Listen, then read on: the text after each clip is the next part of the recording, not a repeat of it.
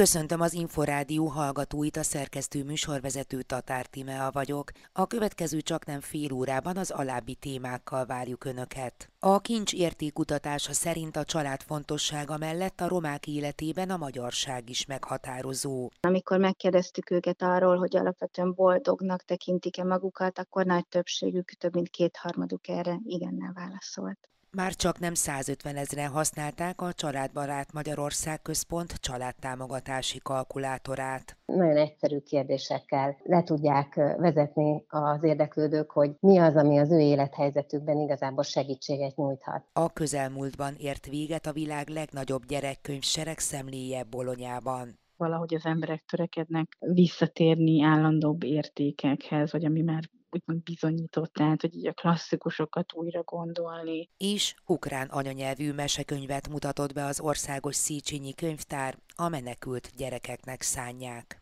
mindkét ukrán nyelvű kiadáshoz az ukrán kisgyerekek ízléséhez illeszkedő rajzok készültek. Ezekben a mesékben ö, olyan szereplők vannak, akik mind bátrak, tetrekészek, és mindig a jó győzedelmeskedik. A család fontossága mellett a romák életében a magyarság is meghatározó.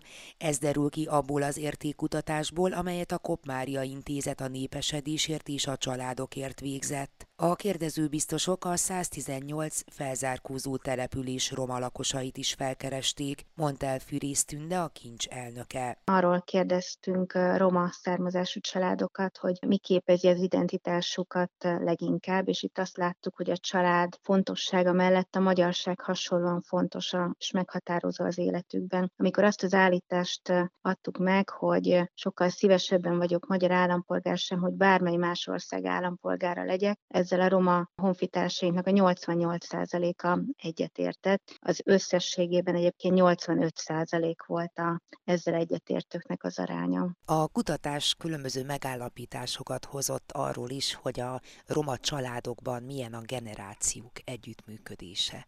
Mi minden információra bukkantak ebben a kérdésben? Célzott vizsgálatot végeztünk a tekintetben is, hogy ezeken a településeken milyen az idős és a fiatal korosztály közötti kapcsolat, milyen az együttműködésük, és hát azt látjuk, hogy nagyon szoros összefogás jellemzi ezeket a családokat. Csak egy példát hadd mondjak ezzel kapcsolatban. A roma nagyszülőknek közel fele naponta találkozik a gyermekeivel, egynegyedük pedig az unokáival is. Tehát látjuk azt, hogy a családi kapcsolatok kifejezetten erősek ezekben a családokban. Ez állhat a hátterében annak is, hogy a romák számára a család és a családi biztonság az a legfontosabbak közé tartozik? Mindenképpen, és ez talán össze is függ azzal, hogy, hogy alapvetően, amikor megkérdeztük őket arról, hogy alapvetően boldognak tekintik-e magukat, akkor nagy többségük, több mint kétharmaduk erre igennel válaszolt. Milyen eredmények születtek azzal kapcsolatban, hogy a különböző családügyi intézkedéseket, most legyen szó otthonteremtésről, vagy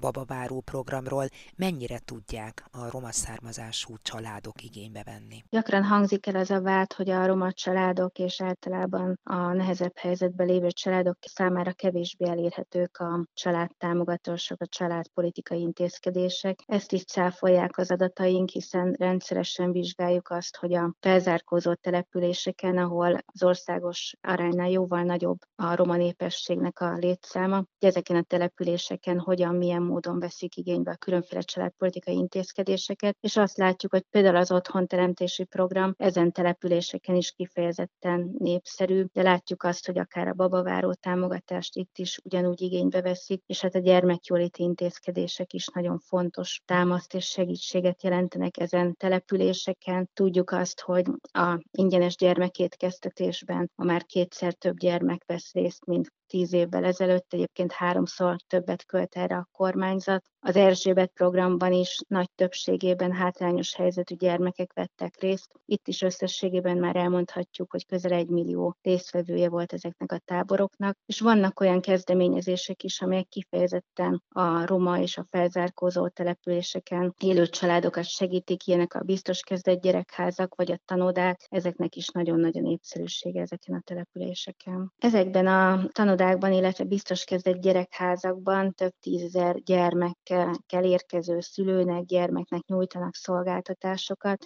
Ezeknek a szolgáltatásoknak, foglalkozásoknak kifejezetten az a céljuk, hogy azok a gyermekek, akik hátrányból indulnak, ők minél több segítséget kapjanak a felzárkózáshoz. Nagyon szép eredményeket sikerült már itt elérni, hiszen, ahogy mondtam, ezeken a felzárkózó településeken nagyon népszerűek ezek a intézmények, és ezeket rendszeresen és folyamatosan igénybe is veszik. Azt gondolom, hogy ezek a felzárkózás segítő programok, ezek mindenképpen hozzájárulnak ahhoz, hogy a romák körében a szegénységnek és a társadalmi kirekesztettségnek kitettek aránya nagyon jelentősen csökkent az elmúlt tíz évben. 2010-ben még 10-ből 9 roma származású honfitársunkra volt ez jellemző, a már 10-ből csak 5-6 esetén mondhatjuk el ugyanezt. Összefügg ez azzal is, hogy nagyon jelentősen nőtt a romák körében a foglalkoztatás közel duplájára, és azt is látjuk, hogy a jövedelmi szegénységnek kitettek részaránya pedig felére csökkent közöttük. Tehát látjuk azt, hogy az elmúlt tíz év az előrelépést hozott a roma családok számára is. Fűrész Tündét a Kopmária Intézet a népesedésért és a családokért elnökét hallották.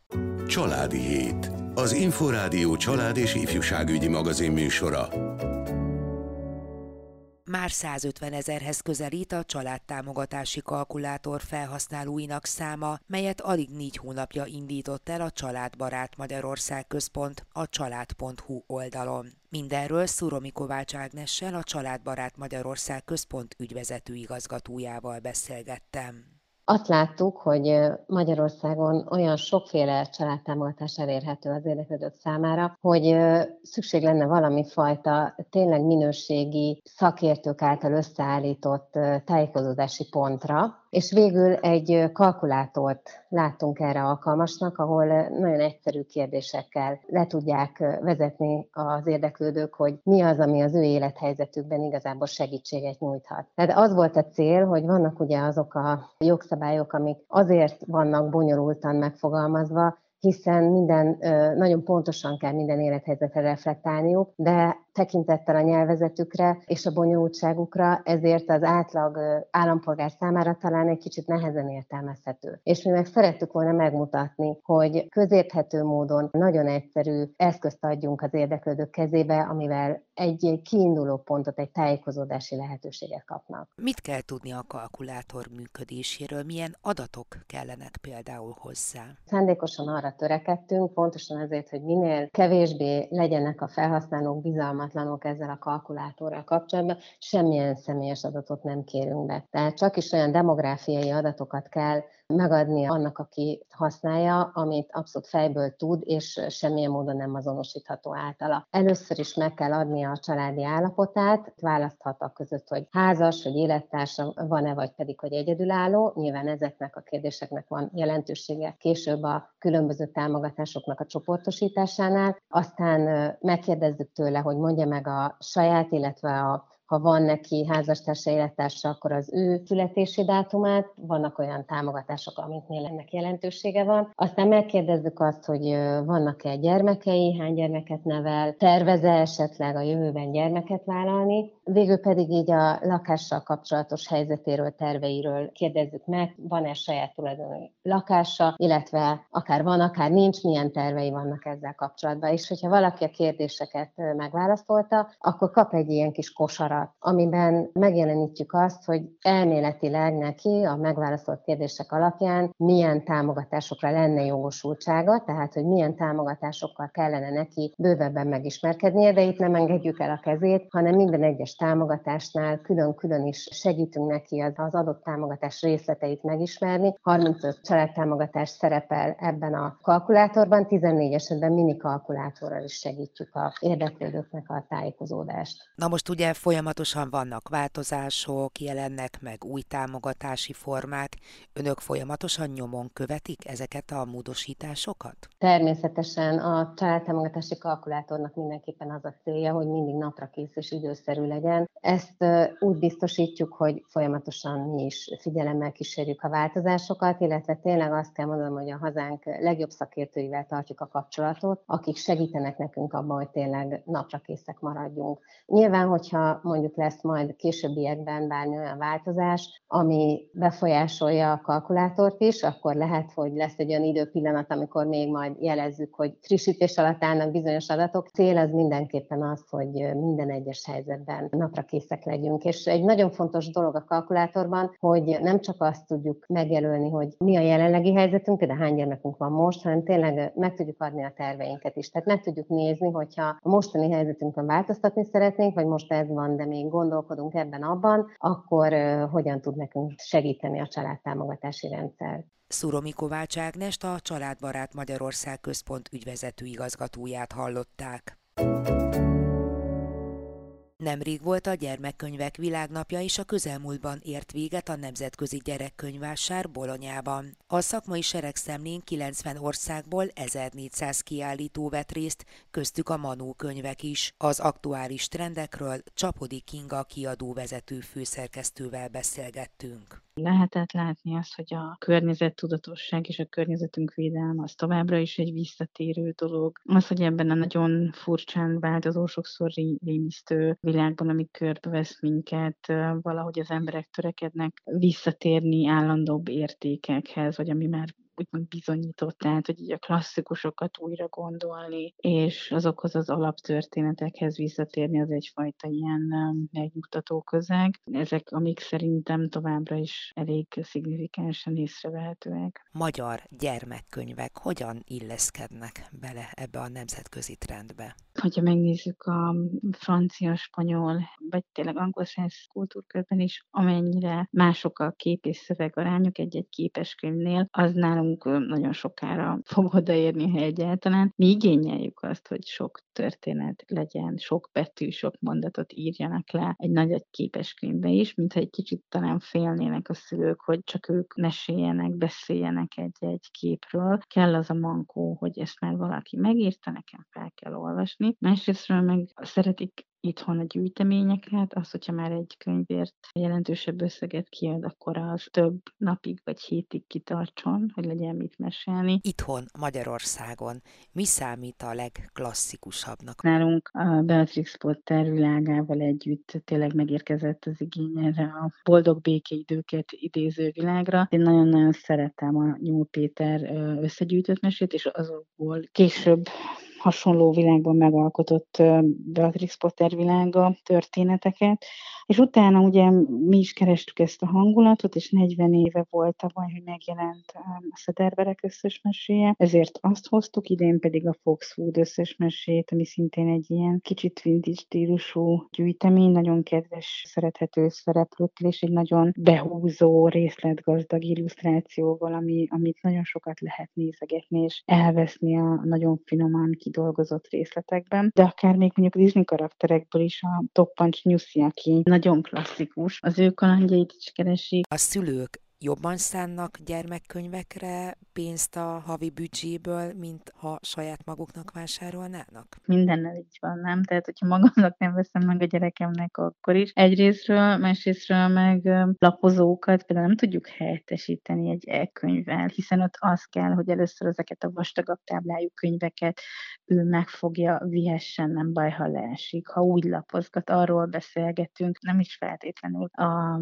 legerősebb az a történet, ami elhangzik, hanem amit mi utána megbeszélünk ennek kapcsán. Meg hát az egésznek ez a rituálé jellege a mesélés, ami lehet esti is, meg lehet reggel is, meg a délután, amikor azt mondja, hogy most egy kicsit elfáradtam, és, és oda megyek töltődni a szülőnek vagy a nagyszülőnek az övébe, szerintem ezek, amik megfizethetetlenek. Aztán persze ennek a később is lesz szerepe, mert hogy mikor az olvasás, mint önálló tevékenység lesz, akkor is nyilván segíteni akarjuk, hiszen nem csak a történetek befogadása lesz lesz a cél, hanem hogy egy olyan olvasás biztonságot és tempót sajátítson el, amivel utána majd a töri könyvet is meg tudja érteni, meg felnőtt korában érteni fogja az elé tett munkaszerződést, vagy a banki papírokat. Tehát, hogy a gondolkodó kamasz és felnőtthez mindenképpen az kell, hogy az olvasni tanulónak legyen sikerélménye, jó élménye, biztonságérzete. A kamaszoknak meg azt gondolom, hogy a világ dolgaiban az eligazodás sokszor segít a szülőknek is, meg jó pedagógusoknak a munkáját, hogy bizonyos problémás helyzetekről nem úgy kell beszélni, hogy veled történt, vagy a pattársoddal, hanem meg tudjuk beszélni egy-egy történeten keresztül. Tehát, hogy mindenhol van szerintem a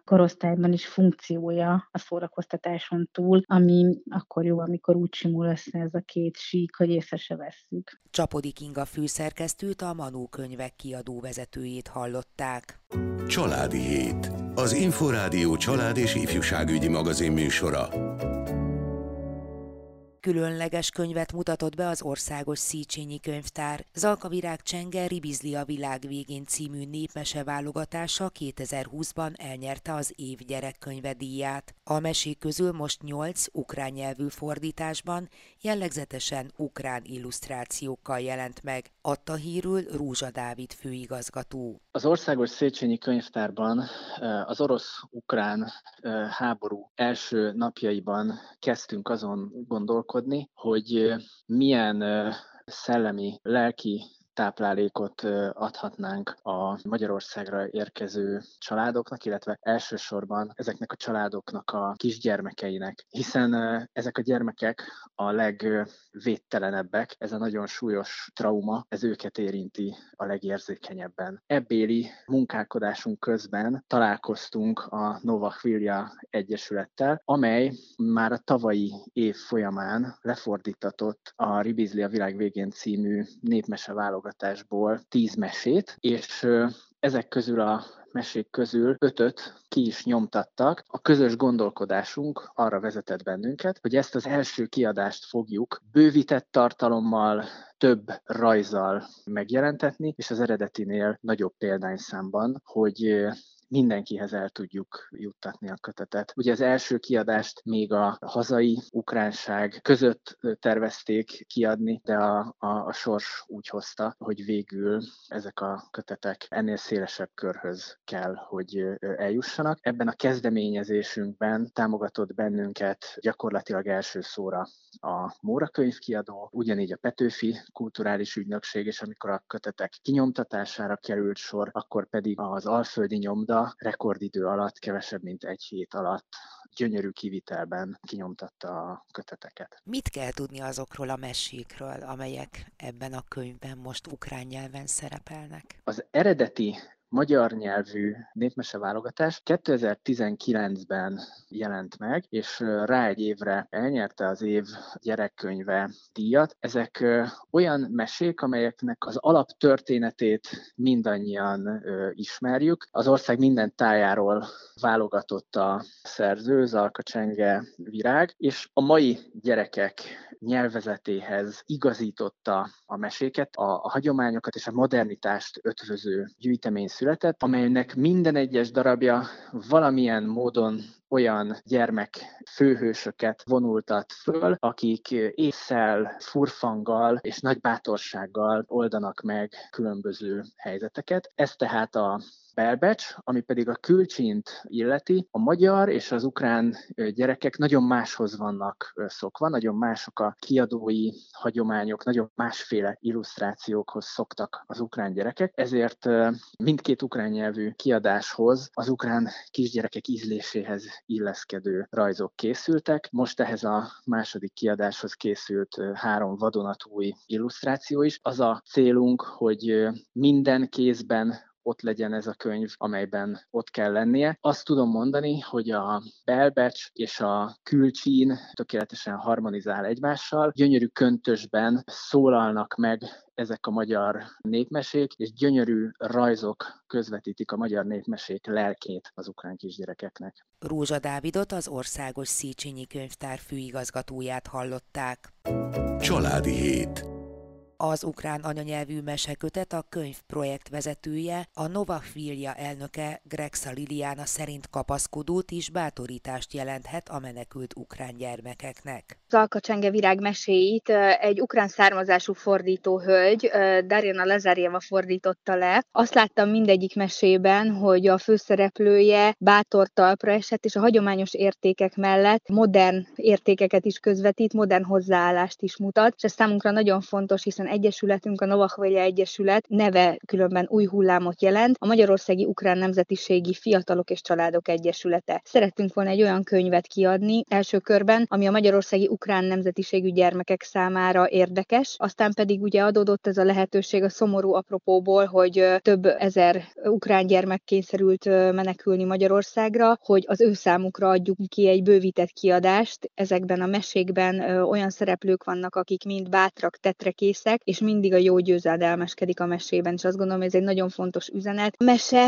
az mindig egy kapaszkodó a gyermekek számára, hiszen béke idején is, és, és sajnos háború idején is a gyermekeknek szükségük van mesére, hiszen azon keresztül tudják feldolgozni a valóságot, egy picit a képzelet világába menekülve, és azért azt gondolom, hogy ezeknek a menekült gyerekeknek különösen nagy jelentőségű az, hogy az anyanyelvükön tudunk nekik átadni meséket, amelyek segíthetnek nekik abban, hogy egy picit feledjék azokat a borzalmakat, amiket átéltek Ukrajnában, vagy akár az ideút során, hiszen itt is találkoztam a bemutatón olyan gyermekkel, aki 20 napon keresztül pincében volt a nagymamájával, és utána pedig négy napon keresztül utaztak ide Magyarországra, míg eljutottak ide biztonságba. Greg Szalidiánát, a Novak elnökét, az ukrán nemzetiség parlamenti szószólóját hallották. A Családi Hét adásában ezúttal beszámoltunk arról, hogy a kincs értékutatása szerint a család fontossága mellett a romák életében a magyarság is meghatározó. Amikor megkérdeztük őket arról, hogy alapvetően boldognak tekintik-e magukat, akkor nagy többségük, több mint kétharmaduk erre igennel válaszolt. Szóltunk arról is, hogy már csak nem 150 ezeren használták a Családbarát Magyarország Központ családtámogatási kalkulátorát. Nagyon egyszerű kérdésekkel le tudják vezetni az érdeklődők, hogy mi az, ami az ő élethelyzetükben igazából segítséget nyújthat. Beszélgettünk a világ legnagyobb gyerekkönyv seregszemléjéről, amely a közelmúltban ért véget Bolonyában. Valahogy az emberek törekednek visszatérni állandóbb értékekhez, vagy ami már úgymond bizonyított, tehát hogy így a klasszikusokat újra gondolni. És végül arról, hogy ukrán anyanyelvű mesekönyvet mutatott be az Országos Széchenyi Könyvtár. Mindkét ukrán nyelvű kiadáshoz az ukrán kisgyerekek ízléséhez illeszkedő rajzok készültek. Ezekben a mesékben ö, olyan szereplők vannak, akik mind bátrak, tetrekészek, és mindig a jó győzedelmeskedik. A Családi Hét mostani és korábbi adásait is visszahallgathatják az infostart.hu weboldalon. Én köszönöm megtisztelő figyelmüket, a szerkesztő műsorvezetőt Tatár Timeát hallották.